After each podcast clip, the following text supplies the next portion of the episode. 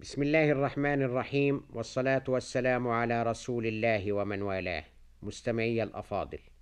السلام عليكم ورحمة الله وبركاته. صحابي اليوم رجل كان من أشد أهل مكة والملأ من قريش عداوة للرسول صلى الله عليه وسلم. وأكثرهم بطشا به وبأصحابه بذل من ماله الكثير وكان ذا مال كثير للقضاء على الدعوة. ولكن ما المال أمام الإيمان؟ وما تدبير بشر إزاء ما يريده الله والحق تبارك وتعالى يقول وهو أصدق القائلين. يريدون أن يطفئوا نور الله بأفواههم ويأبى الله إلا أن يتم نوره ولو كره الكافرون. هو الذي أرسل رسوله بالهدى ودين الحق ليظهره على الدين كله ولو كره المشركون. ويعد صفوان بن أمية مشركا أن يتحمل عنه دينه إن مضى وقتل الرسول عليه السلام فإن أصاب المشرك مكروه ضم صفوان عياله إلى عياله وواساهم بماله ثم. إنه كان أحد ثلاثة من الملأ من قريش ممن مشوا إلى أبي سفيان بن حرب وأثاروا قريشا أن تخرج للثأر لقتلاها يوم بدر وجعل وجعلوا أموالهم لجمع المشركين والعرب ضد الرسول في غزوة أحد فكان أحد الذين عناهم الله تعالى بقوله إن الذين كفروا ينفقون أموالهم ليصدوا عن سبيل الله فسينفقونها ثم تكون عليهم حسرة ثم يغلبون.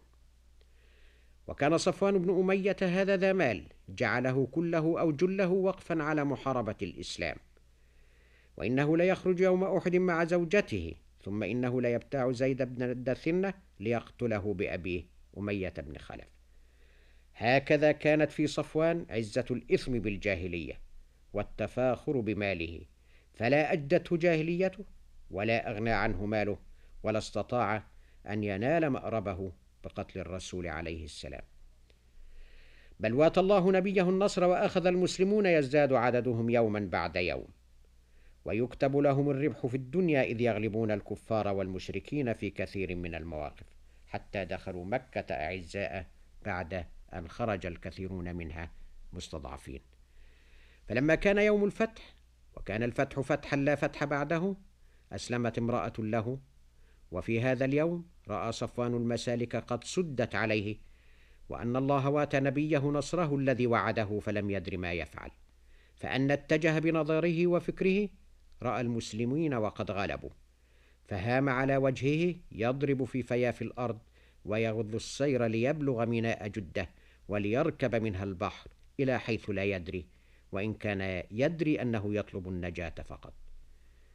كان خلفه شيء لا يدريه ولسان حاله يقول وإنك كالليل الذي هو مدركي وإن خلت أن المنتأى عنك واسع.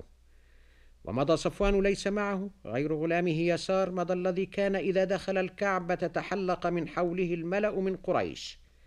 وكان في عزة ومنعة بأهله وولده وماله. يسعى إليه أهل مكة حيث كان. مضى وقد ضاقت عليه الأرض بما رحبت. وأشد من ذلك أن ضاق صدره. حتى إذا كان بالشعب بدا له شبح قادم. فسأل غلامه أن يتعرف له من يكون القادم.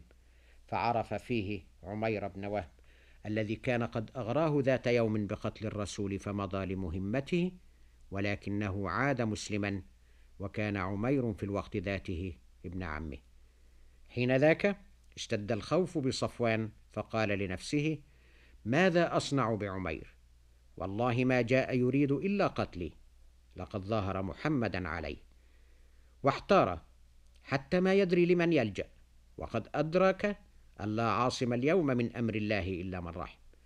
وزاد من خوفه أنه كان أحد ثلاثة جمعوا الناس بالخندمة ليحاربوا المسلمين فقاتلهم خالد قتالا ضاريا وهزمهم حتى لقد انطلق واحد منهم إلى داره فعيرته امرأته برجوعه وكان قد وعدها الغلبة على المسلمين فقال لها إنك لو شهدت يوم الخندمة إذ فر صفوان وفر عكرمة وأبو يزيد قائم كالموتمة واستقبلتهم بالسيوف المسلمة يقطعن كل ساعد وجمجمة ضربا فلا تسمع إلا غمغمة لهم نهيت خلفنا وهمهمة لم تنطقي في اللوم أدنى كلمة. لقد مر ذلك كله بذهن صفوان فظن أن عميرا قد بعثه الرسول لقتله وما علم أن في لقائه العابر هذا كانت نجاته ونجاة روحه ليسلم. وكان لذلك قصة نرجئها مستمعي الكرام إلى غد لنختمها ولنلقاه صحابيا جليلا. والسلام عليكم ورحمة الله وبركاته.